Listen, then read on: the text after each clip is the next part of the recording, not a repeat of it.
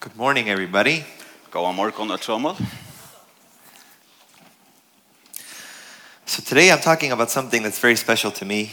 I dag vil jeg tale om noe som er særstakt for meg, And the title I have here is Loving Your Brother. og iverskriften er eh, at elska sin nasta. God's love to me is huge Guds kærleik til min er stårer. because growing up, Tøy at eh, jeg vokser opp, it, it's something that really intrigued me, the, the, the way God expresses his love to us. er noe som har vist meg hvordan Guds kærleik er til okkon. As a boy, I thought um, I, c- I couldn't imagine my dad giving me up for someone else. Som eh, en unge maver kunne jeg ikke umynda meg at eh, papen min eh, eh, valgte meg fra for okkur anna. And the fact that uh, God gave Jesus, his only begotten son, to die for us, for our sins. Og det som er at god gav eh, sin einborna son eh, at dodja for okkon, It just, it always blew me away. Det blåste mig alltid borstor, eller tog mig av foton. So I want to start by reading this scripture here, Så jeg vil starta ved å lese et vers her, John 13, Johannes 13, verse 31 through 35. vers, eh, ja, vers 13 til 35.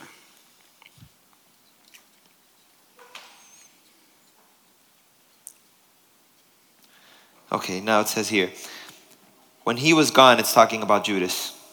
Da han var færen, han tog seg med Jotas. Jesus said, Say- Now is the Son of Man glorified, and God is glorified in him. If God is glorified in him, God will glorify the Son in himself, and will glorify him at once. The part I want to Nå er menneskesåneren vår en dyrmæter, og god er vår en dyrmæter i hånden. Er god vår en dyrmæter i hånden, skal god eisne gjøre han dyrmætan i sær, og han skal kjøtt gjøre han dyrmætan. My children, I will be with you only a little longer. You will look for me, and just as I told the Jews, so I will tell you now. I'm going. I'm going. You cannot come. A new commandment I give you. This is the part I want to focus on. A new commandment I give you. Love one another. As I have loved you, so you must love one another. By this all men will know that you are my disciples if you love one another. Bøtt mine, luttla stund er i ikkje tjatikkon. Tid færre at leite etter mer, og som jeg sier vi gjøtanar, her som er færre, kunne tid ikkje koma. Sige er nu eisne vi tikkon. Nutt bå gjev vi tikkon, at tid skulle elska hver annan, og til hetta som jeg vil leggja denta og mun tale. Som jeg har vi elska tikkon, skulle eisne tid elska hver annan. Av tog skulle öll sanna at tid er lærersveinar munar, og at tid hava kærleika hver til annan. At least in this version here, in such a short space, the phrase love one another is repeated three times.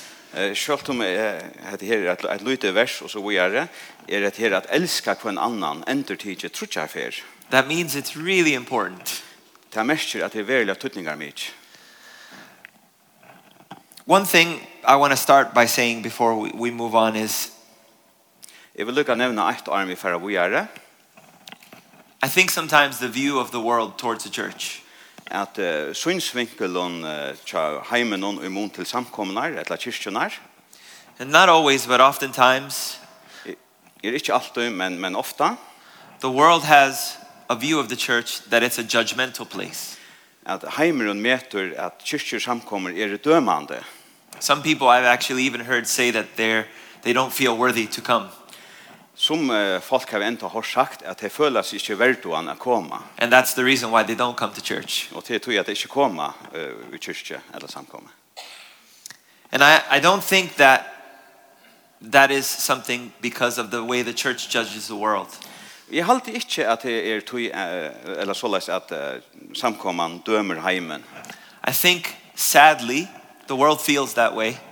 Jeg halte uh, syrkjult nok at, at verden føles såleis, eller at de føler det såleis. Because of how we judge ourselves. Tui såleis som vi dømer okken sjálve. Unfortunately, sometimes the atmosphere Tog han verri et her ångt og i øtte, is an atmosphere where we need to put always our best foot forward. er det såleis at vi alltid må køre okkara besta fram, eller få fremme okkara besta. where weakness is looked at in a very uh, rejecting way. Her og i, og i veikleitje er uh, blodlukka som fordømter. It shouldn't be that way. Det eier ikke å være så. The church should not be that way. Samkomman eier ikke å være såleis.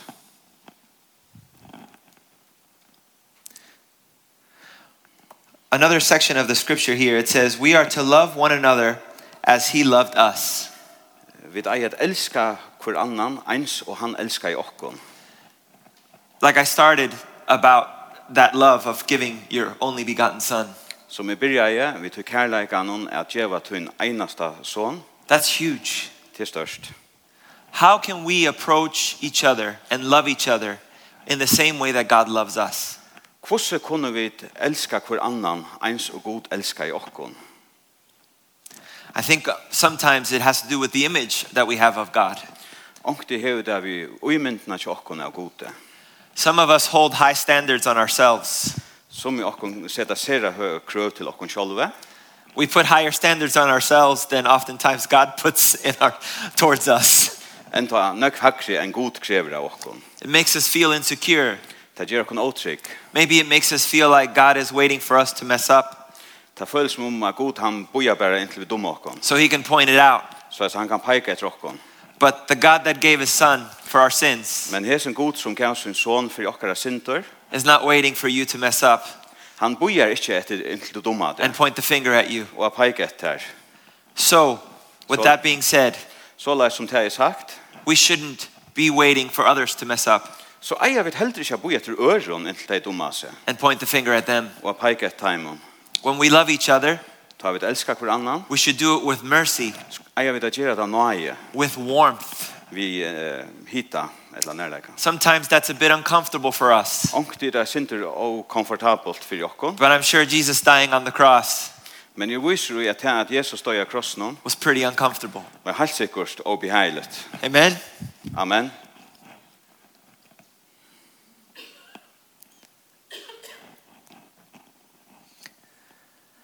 Kind of a, a detour here. Nu færer vi til en, en omve. The Bible says that there's no condemnation for those who are in Christ. Bibelen sier at til åndsje bjerg segen, There's no condemnation for those who are in Christ. This og is til not åndsje fordøming for de som er i Kristus. a- don't let guilt, don't let guilt Ikke leta fordøming eller skuld, ruin the image of God in your life. og letja Guds myndina i tøyn løyve. Remember that His mercies new every day. Minns til at nøye hans her er nødt av hverjon deg, And remember that God loves you. og minns til at Gud elskar til. With that knowledge, Vi tøy kunnskapet, share it. deil til vi ånder. Don't let the guilt make you feel like God is waiting with a bat up there, waiting for you to, to mess up and swing Ik- at you. Ikke lät det sig fördömning som man säger trösta det nyår och, och här var det mynta god han bojar bara intill du ska döma det och så fördöma det. And in the same way, love one another the same way. Och att samma hållt älska hver annan. Oftentimes, we, we, uh, we repeat what we feel. Ofta entertäcka vi det som vi följa. If, if we feel insecure, we tend to make others feel insecure as well Om vi följa kon åtryck föl, får vi ett ånder att följa sig åtryck. because it makes us feel better. Så det är för åkon att följa kon bättre. But I think a, a, a, big, a, a big way to start loving one another Men jag hade en, en stor möjlighet att börja vi älska hver annan is to truly start yourself loving God är att verkligen börja självor att älska god. and getting a clear image of what that love looks like and feels like. Och få ett klart bojla till av vad tankarlägen är och hur han följs. and share it with others. og deilta vi ånder.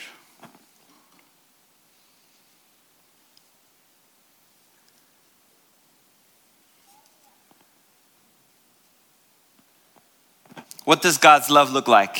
Hvordan ser så hesten her Guds kærleik ut? I really like this scripture here. This is one of my favorites. Hette er et av min intesversen. 1 Corinthians 13, 1. Korintbrev 13, verse 4 through 8. vers 4-8. I'll read it and then we'll, we'll read it in Faroese. Love is patient. Love is kind. It does not envy. It does not boast. Love is not proud. It's not rude. It's not self seeking. It is not easily angered. It keeps no record of wrong. Love does not delight in evil, but rejoices with the truth. It always protects. It always protects. Love always protects. It always trusts, always hopes, always preserves. Love never fails. I'll stop there. I won't read the entire verse 8. That's where I wanted to stop. Ja. Kærleiken er langmåur, er mildur, kærleiken ber ikkje øvund, kærleiken reipar ikkje, blasist ikkje opp. Han ber seg ikkje åsømelige eit, søkjer ikkje sitt egna, gøymer ikkje agg, tiltråkar ikkje hitt illa.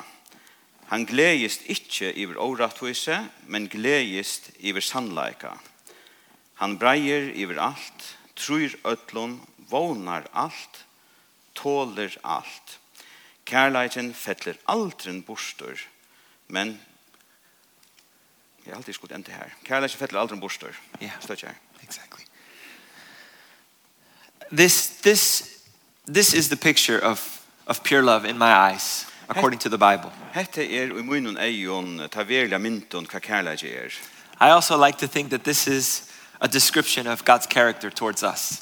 Jeg halde eisen hette er en god mynd av Guds eh, av Guds beskrivelse imot lokkom.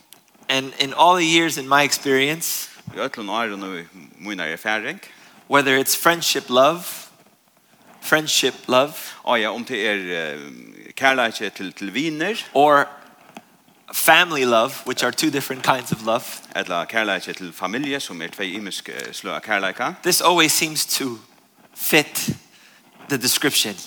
vil hette her alltid passa inn ut her myndina. In this case, talking about brotherly love. Vi er snedfører noen om å snakka vi nasta kærleika til, til brører, I love the part that says always protects. Men da er han det som sier at han alltid varveitur eller verger always preserves. og at alltid uh, varveitur. What does it look like for us to always protect and preserve each other? Hvordan ser det så ut til okkon at alltid at verja uh, en annan? I get a bit emotional about it because Jeg får, as, as human beings, we oftentimes feel lonely. eh, jeg får nekva kjensler eh, vi er snir til som mennesker så føles vi ok okkon øyelig ofte ens, ensamme eller ensame and feel often unprotected. og føler okkon eh, ovart And uh, for me, the older I've gotten, og for meg jo eldre jeg er bliven the less I feel like I can rely on people føler jeg minne at jeg kan lyta av folk for my deep internal problems or things that I'm dealing with. fyrir mine innaste trobeleikar og avbjóingar. But Men, I can always run to God. men jeg kan alltid søkja gode. But honestly, Men ærligt, can we always run to each other? kunne vi alltid færa hver til annan? Is there a wall that limits me to tell someone about something I'm going through simply because I'm afraid that I'll be looked at in a negative way here in church? Er det ein murur som lukka som fåra meg fyri a færa til onkran at a, ve- a sia hvordan jeg har det fyrir at han hatt skulle søkja nir av meg til jeg trobeleikar. It's important Det er tøtningar mig ikkje that as the body of Christ at som Guds eh, eh, kroppar eller, eller that we protect and preserve each other, at vi verja og varvaita kvann annan. that we are aware of each other. At vi er tilvita i om kvann annan. When we come on Sunday mornings, Ta vi kom her sunn morgon, it's not just about what we can get out of it. Er det ikke bare at vi kunne få bort ut i? Church is really about Jesus and the body of Christ. Eh, samkomman er verlig om Jesus og om, om god. It's about the gathering together. Det er til å saunast. It's about that feeling of bringing everyone in. Det er den kjenslan av at, at få ødel av en parste av det. And I'm, I'm not criticizing the fact that we get dressed up and that we look really great because I think that it's best that we give the best to God. Ja, jeg vil ikke kritisere til at er vi, vi pynter okken og, og så så godt ut, men vi røyner det beste for gode. But it, it's, it's important that we create an atmosphere that allows people to feel comfortable to share their weaknesses. Men det tøtningar mykje at vi klarer at gjøre en atmosfære her folk føler seg trygg, eh, så at vi kunne deila, eh, And that they won't be met with rejection, og at ikke være møtt ved fordøming, but that they'll be met with love and with mercy and with caring from the fellow brothers and sisters of the church. men at jeg vil være møtt ved kærleika, nøye og, og til at ånder har samkjensle for dem. That kind of love, that kind of love among us Til at slæ av kærleika i middelen okken would change the world. vil brøyta heimen. It would change the world. Til vil brøyta heimen, eller vil det.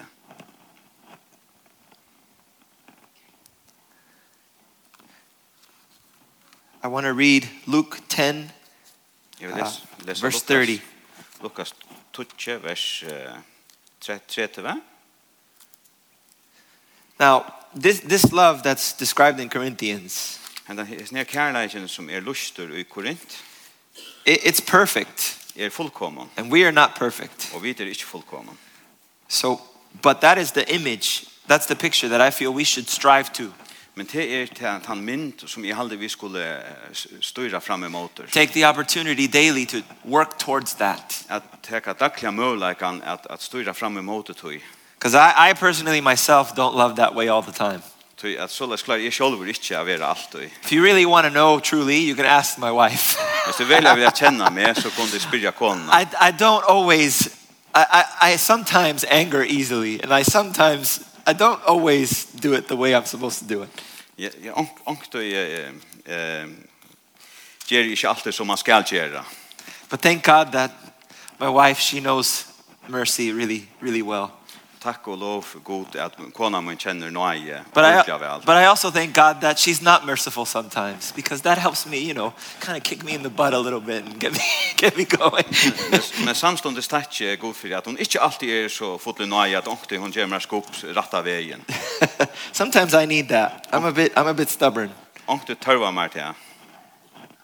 All right. So uh, Luke 10, verse 30. And this is the story of the Great Samaritan. Hette søvann om uh, samaritanen. Maybe we should read in Faroese first. That's a good idea. Jesus sverreie, Mauer for ur Jerusalem åman til Jericho, og han fall og i hentur rånsmanna, som bæge låta han uh, naknan og slå i han. Så han for uh, leisøyna og låta han litja her halvdeian. Nå bær så av at prester for somalai åman, han sa, men tjekk best framvi. Og sama hatt ein levitte, han kom til steie, for iver sa han, men tjekk framvi. Men ein samverje og i vera fer kom til hans herra. Ta og i han sa han tyktest honom hjertaliga sintu i honom. Han får iver til hans herra, bant om svar hans herra, og let olje og vun og i tei. Og så lytte han han opp av sitt egna dør, for til gistihus vi honom og røkte han. Dagen etter tok han tveir dinarar, gav versen teir og seie, Røk han, og legger to meira ut skal jeg leta til få at jeg ta jeg kom i attor. Kvør av heson trimon tidsist her nu røntes nasti hans herra som fattlen vær og i hentur rånsmanna. Han sier, tann og i viser honom miskon, ta seg Jesus vi han, fær tu og gjer ta sama. That's a great example of God's love. Hetta er gott dømi om Guds kærleika. I, I, I- I read this scripture and I thought about using it in a practical way within the church. Jeg lærte läsa detta verset och huxa jag brukar ta en praktiskan hot i samkomne. I thought to myself, what about if instead of, okay, not being robbed, Men men huxa till kon istället för att bliva som man säger eh, stjålen från ett- eller What a- rantor. what about a brother or sister that maybe falls into sin? Men kvärt vi vi ser till dömes att en bror eller syster är fallen i synd. I know guilt and, and, uh, and life itself Jag vet att det här skuldarkänslan och och löve skolt can beat us up sometimes kan välja som man säger slå och ut som som sommartöjer and make some wounds och göra som sån eh, svar Or what about an untruthful rumor Eller kvært vi ein ein ein rykte som som ikkje passar, that's being spread about a person som er blivet dalt that they are in sin? At dei er jo synd.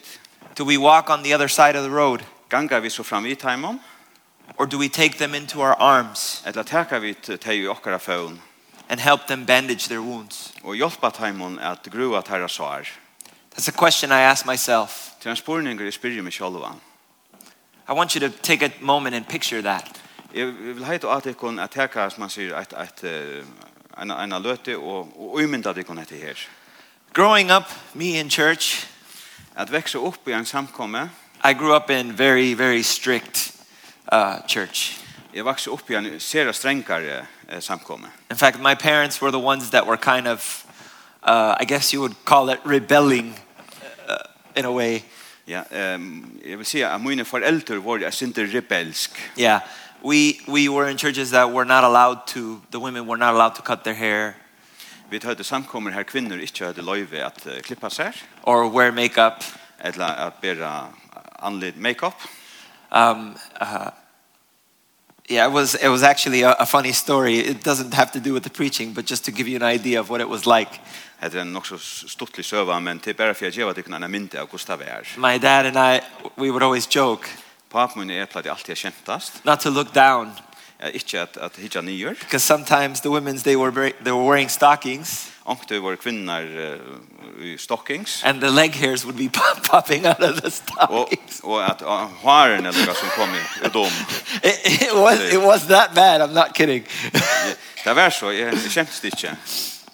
um, and I remember oftentimes Jag kan minnas det ofta. like m- we went to the beach Eh, Vi får strandna and uh, some of the uh, elders at that or that's how you would call them. They were called ushers or deacons of the church. Found out that we went to the beach. Onkel du får vi av strandene, og ta høyte sommer at han eldste funnet det av at vi var farner. And my mom sh- and dad, they, they used to uh, lead worship in the church. Og at eh, mamma min, pappa min platt i at eh, leia tilbyanna i samkomne, And they would sit them down from leading og de ville f- få at jeg sette seg eh, djevast vi at, at leia, and make them take special classes og at be, be de at eh, som man sier komme til undervisning, as discipline. for at disiplinera de. Now, mind you, my parents were both Bible school graduates. Men bæg mine foreldre høyte steg, eh, som man sier, bibelskola, They had, they had studied for years in Hey. Bible school, de hadde studera mange år i bibelskola, and they would still be sat as discipline. Håast her ville de være disiplinera i. I don't know, that's kind of an extreme image of what I'm talking about not to do. Det är bara sort eh, stö- döme om eh, jag här jag vill nämna hur man inte ska göra, något så extremt döme. I don't think that God would agree with that kind of discipline. Jag hade inte god hever samtur vi eh, att att disciplinera folk och hanta sluka något. On the other hand, as well, Men eh, hin vägen doing music, eh, att göra tone like, spela tone like. I was always told to to be very strict with i- if if if you're doing music for God that you're not allowed to do it outside the church or with anyone that doesn't know God. Jag fick alltid veta i samband vi eh, tone like framförslor att det var bara i kyrkan eller samkomne och jag skulle inte spela tone like ärastan eller samma med öron som inte hörde gode till. As time has gone by with me, things have changed. Men som tog in i lien eh, er ting eh, er brøtt. But I remember I had a a, a friend of mine that I met in Men- school, Men jeg minnes det hei en vin som jeg møtte i skolan om, and he cursed man like a sailor. og han banna jeg som en showmauer. And my mom always told me, you know, you don't you don't hang out with those kinds of people. Mamma min sier meg alltid, du skal ikke fylkjast ved sluk om It's, falske. it's this separation that I don't like. Det er sånne skillnader som er ikke damer. But I remember I was singing with a group, Men jeg minnes det sang vi en bølge, and we were a Christian group, vi var en, en tryggvande bølger, and uh, we had invited him over the house to the studio to do music. He liked music, og vi hadde bjøen og av det samme vi okken, and he og was a hun very, kom til tonelike, very talented producer. og han var en ser at donalier tonelike framleier. And I remember the times he spent with us playing the piano Jeg, og jeg minnes da han spalte klaver sammen med okken, as we worshipped in the studio together. som vi tilbå i studio sammen, and he was not a Christian. Og han var ikke tryggvande. He didn't understand. His parents were not. He was not from church at all. Og han skilte ikke, ikke bøyplene, og foreldre hans var heller ikke mm, ur kyrkje eller samkommet. But we would we loved to worship. Men vi elskar å tilbya. And during those times of worship, Men, og, og ut her man løt noen her vi tilbåa, he began to feel God's love byrja jeg han å føle Guds kærleika for the first time.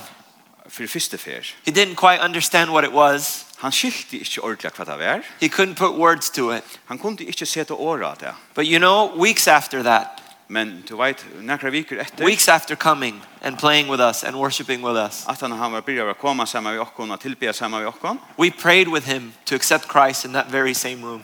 bo vi sammen med honom at akseptera god og ut til samme rummen om. And there have been ups and downs in his life, Og det har vært jo nye turer og, og gode turer i hans løyve. and I've stayed in touch with him. Jeg har helt samband med han.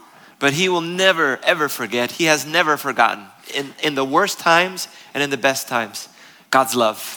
Men åtta mån til hvert han har gjøkt når ringer eller gåar tøyer, hever han ångkant og glemt Guds kærleika. In that experience of not being rejected or not being told that he wasn't worthy, but being accepted and brought in, Ja, og jeg sånn her at, at det blir akseptera og ikke blir frastøyter, men, men å føle Guds kærleika. God's love reached him Guds kærleika nådde han, and he accepted Christ. og han uh, jotta er god. It's that love of God. It's that love of God for the world Til hans her kærleika, Guds kærleika til heimen, that will bring the world to know Jesus, som vil føre heimen til at læra Jesus at kjenne. to know the Jesus that we serve. At læra at han Jesus som vi tjener. I always get sad about thinking of my life without Christ. Jeg blir alltid syrkjen av å huksa om mitt liv utan Kristus. And no matter how unworthy I feel, Og utan mun til gussi overduan jeg føler meg, I can't picture my life without my relationship with God. kan jeg ikke uimynda meg mitt liv utan eh, sambandet vi god. To be able to run to that place of peace At, at eh, færa til det sted her frier valtar, and love, kærleikje. that no matter how lonely I feel, Utan mun til gussi einsamallir jeg føler meg, His presence is always with me. er hans her nærværa alltid vi mer. And in His presence, there's fullness of joy. Og ui hans her nærværa er gleden fullkommen. I love the fact that I can say that, Og jeg elsker til at jeg kan sia til, not just because it's a churchy thing to say, ikke bare til så jeg er mann å sia i samkomne, but because I've tried and proven it in my own life. Tui at jeg har røynt og prekva hette her i min egna løyve. during times of depression and hurt and pain Og i tjøkken tøyer vi depresjon og da ting ikke har skå. and during times of joy. Og eisne og glede i stunden. He's always been faithful. Hever han alltid vært trofastor. His love has always been there. Hans her kærleik hever alltid vært her. And there are people that don't know this love. Og det er folk som ikke kjenner hendan her kærleikan. And sometimes we waste time Onke tøy spittla vi tøy. judging each other, Vi er døma kvann annan. rejecting each other, Jeg nokta kvann annan. and not showing mercy to each other Og ikke vise hver en øre nøye. when there's a world that's dying. Ta det er en heimur som er dodgjande. We must learn to love each other the way God loves us. Vi må lære at elska kvann annan. It- At samme hot som god elskar okkon. It, it's genuinely a life and death matter. Det snur seg um i verilegan om liv etla deg. It's not a small matter, Det er ikke et lite mål. it's life and death.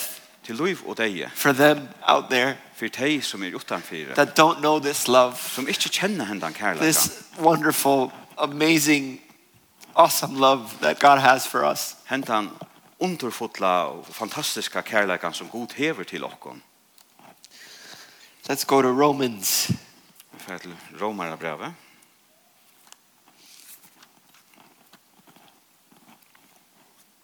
Romans 12. Kapittel 12. There's a lot of really good stuff in Romans 12. Her er ordentlig nekv godt å lesa i eh, 12. kapittel. Romans 12, verse 9. Vers 9. Love must be sincere. Hate what is evil.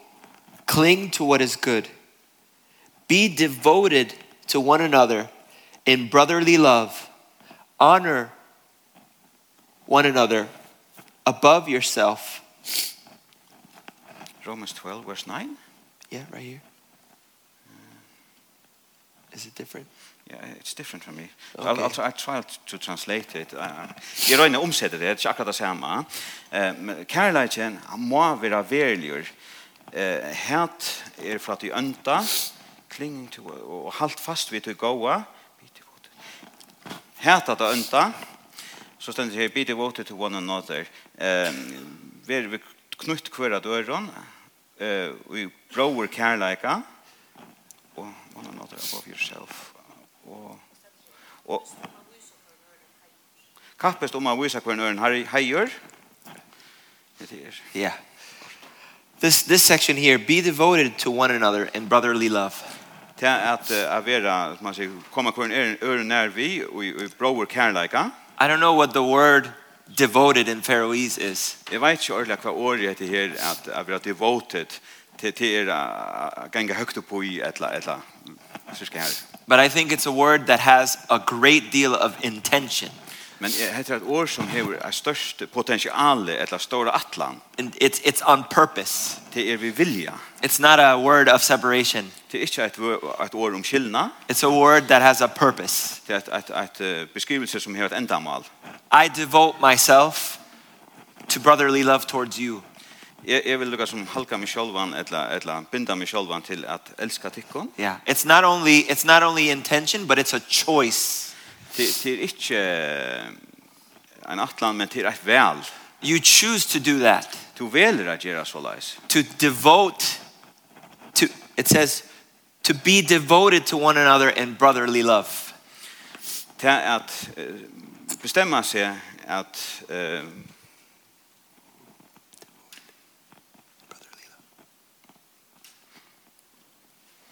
ja, jeg får til årsaka med eh, men til at, at, at eh, sette seg fire at eh, elska hver annan and then the this, the next part to honor one another above yourself til at æra hver, hver annan om man fyrir det sjolvan how does that look like hvordan ser det ut if you're going to honor someone above yourself at du skal æra omkran hakk enn det sjolvan it definitely takes away uh, it definitely it definitely makes you think twice to criticize anything Därför är det ju väl att huxa tvärför och du börjar att kritisera några. because you can't honor someone above yourself if you're critical of that person Du, du kan ikke ære nekran hakre enn du sjolvan hvis du ser kritisk opp på han. And it definitely, it definitely means that it's that you have a, a respect for each other. Ta, ta menas vi at så måste ha respekt for hver nøyron. I think that's very interesting Jeg er alltid avhåverst. because oftentimes I feel we don't encourage each other enough. Ofta føler jeg at vi oppmuntrer ikke hver annan no mykje. And I think that's a, a wonderful form of honoring someone above yourself. Jeg er alltid til en god måte at ære omkran hakre enn du sjolvan. To make a choice and, and, and find something to encourage them with. At gjøre et vel og at finne okkur til å oppmuntra deg vi.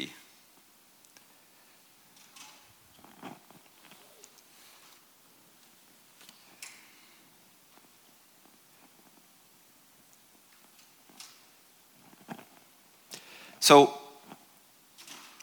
with that being said, I want to talk about some practical ways, kind of connect practical ways So of that- loving each other. Som det er sagt, ikke at hos er sinde praktisk om hvordan det kan sammenast etter at elska hver annan. If someone among you is in need, Om Um onkur av tikkun eh, hever en tørv, find a way to help their need. Finn ein hot at uh, hjálpa teimum. It's not just the, pers- the, the pastor's job Det er ikkje berre samkomleiaren som hevur ta oppgávuna. or the church leader's job. Ella at han som leier samkomna som hevur ta oppgávuna. It's together our job Det er okkara arbeið saman. to, to help each other, At hjálpa kvar nørum. especially when there's someone in need. Særlig at onkur eh, hevur ein tørv. The amazing thing about a body Ta, ta, som undruna verst om, om eh, Jesus eh, lika.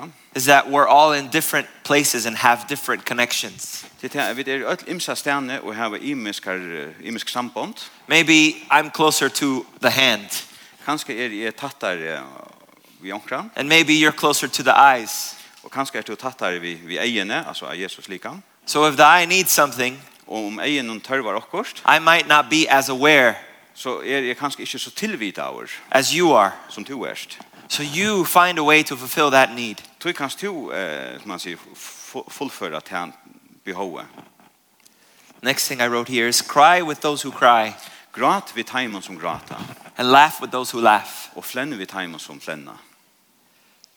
Sometimes, at least with me, Stundon ångte vi mer, when my father died ta pap min døye, nine years ago, nu tjo er så igjen. um, there was a lot of things that I had to unlearn. Var det nek ting som er lukka som måtte læra nu tjon? One of those things was I always felt like sadness was an evil thing. Eit av teimen var at jeg følte etter her, at jeg var kjettur var at jeg ønta. Now, I'm not saying that sadness is a, is a good thing, not at all. Jeg sier heldig ikke at jeg var kjettur er nekka godt. But sometimes it's important that we cry. Men ångte er det tuttningar mykje at vi grata. Jesus cried. Jesus græt. Jesus cried even though he knew he could raise Lazarus from the dead. Jesus græt, græt hovast, han visste at han kunde reisa til deg eh, til å bli livet. Have you ever thought why he cried Hadde det ångt, når kan du huske hvor han græt? when he could just walk and just call him out from the grave? Da han kunde bæra som han sier færa og kalla han ut ur grøvene. I don't know. I don't know that answer, but I think that's very interesting. Jeg kjenner ikke ordentlig svære, men jeg halte det var avhåverst. And that's why I wrote that there. Tog skriva jeg det her. Cry with those who cry, laugh with those who laugh. Græt vi teimen som græta, og flenn vi teimen som flenna.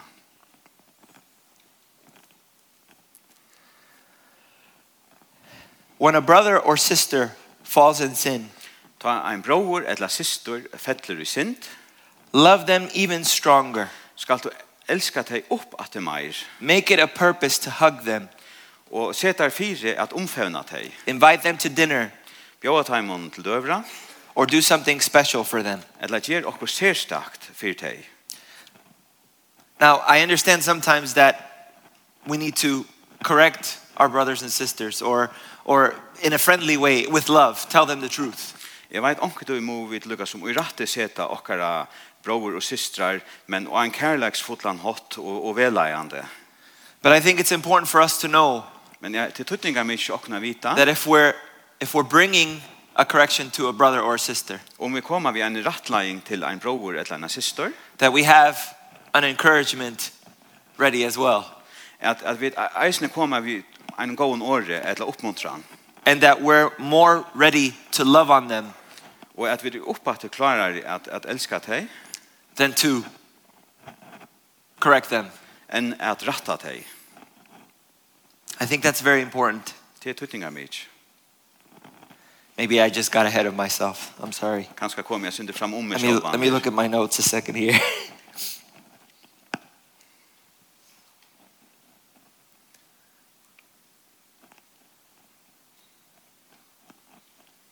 as far as uh, and this is this is something also I wanted to mention. Hetta er eisne nekka som jeg ikke nevna. As far as making a correction to someone we don't know, Hetta her til at ratta omkran som vi alls ikke kjenna. I think it's wise that we establish a relationship with the person before we correct that person. Jeg halde det tuttingar mykje et, eller kløkt at vi fyrst få ei forhold til vi kommande og arn vi byrja koma vi rattleggingen. And I was talking with Miriam yesterday about this. Jeg tåsa vi Miriam om hette her i jar, And her father, he was a pretty wise man. og hennara papur var en viser med over. And he would say, rather than correct the person, Han pleide å sige heldur enn a ratta personen, begin first by praying for them. byrja vi a byrja, byrja vi a byrja fyrir honom. What an amazing concept, huh? Det er en fantastisk, eh, som man sier. I think, that, I think that's exactly the point I'm trying to get across here. Jeg halde til akkurat her poengje som er lukka som røyne at, at f- koma vi her. Be quick to forgive Vi er sjåtur at fyrirkjeva and encourage each other, og at oppmuntra kvann annan slow to correct og seinur at ratta and make assumptions. og at uh, koma til nye støver eh, etla gita Choose to see the good in people vel at suttja ta gaua i falche and not the bad, og ikkje ta ringa. even if something looks bad. Sjalt om um okkur ser ringa try and find a way to think of uh, something that I, don't know. I, I do that myself. I, if someone messes up, um eh, Ja, sjalt om at om at onkur uh, dumma seg etla etla røyn og finn ein veg I try and, uh, how we say in English, give them the benefit of the doubt.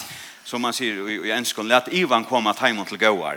It's not so easy when the person hurts you, Det er ikke så lett å onker særer til, but oftentimes the biggest bullies men ofte de som happar mest, are the people with the most pain and hurt. er, er de som har mest pyne, And those are the people that need God's love the most. og er de som tørva Guds kærleika mest. Our love for each other will change the world. Okkar kærleika til hver annan vil brøyta heimen. God is love, God er kærleika, and deep down, humanity og, is wired og djupt nyrre er, er menneska lukka som programmera, to go towards that pure love. at søkja hendan her ratta kærleikan. We see it in how society has completely distorted love Vi trutja at hvordan samfellet hever forrenka myndina av kærleika, and how sex sells products. og hvordan at sex kan selja vører, The world is looking for love. heimeren leitar etter kærleika. Young people are out every weekend trying to find it, Ung folk er ute hvert vikskifte og her er røyna finna til. only to find a hall of mirrors, something that's not real. Bara for å finna, som man sier, spekkel som ikke er verlig. They're desperately looking for the love that only God gives. De leita desperat etter kærleikan som einans god kan djeva. But more importantly, Men meira tuttingar mykje. we can't show them God's love Vi kunne ikke vise dem Guds kærleika without loving your brother and sister first, utan at vi fyrst elska okra brøver og systrar. without exercising that love here first. Og utan at, at, at uh, bruka eh, et, et la vise til verste inni her. God wants the lost to be found. God innskjur at hei som er borstevilst skulle finnast. God wants them to find the love that he gives, the love that he sent his son to die for their sins. God innskjør at de som er borte vil skulle finne hans herre kærleika som kom ved Jesus som han sendte. Let's begin to exercise that love. La dere byrja eh, at, at praktisera enn denne kærleikan. And with that, that love will change the world. Og vi tog kærleika vil ta brøyta heimen. Thank you. Takk.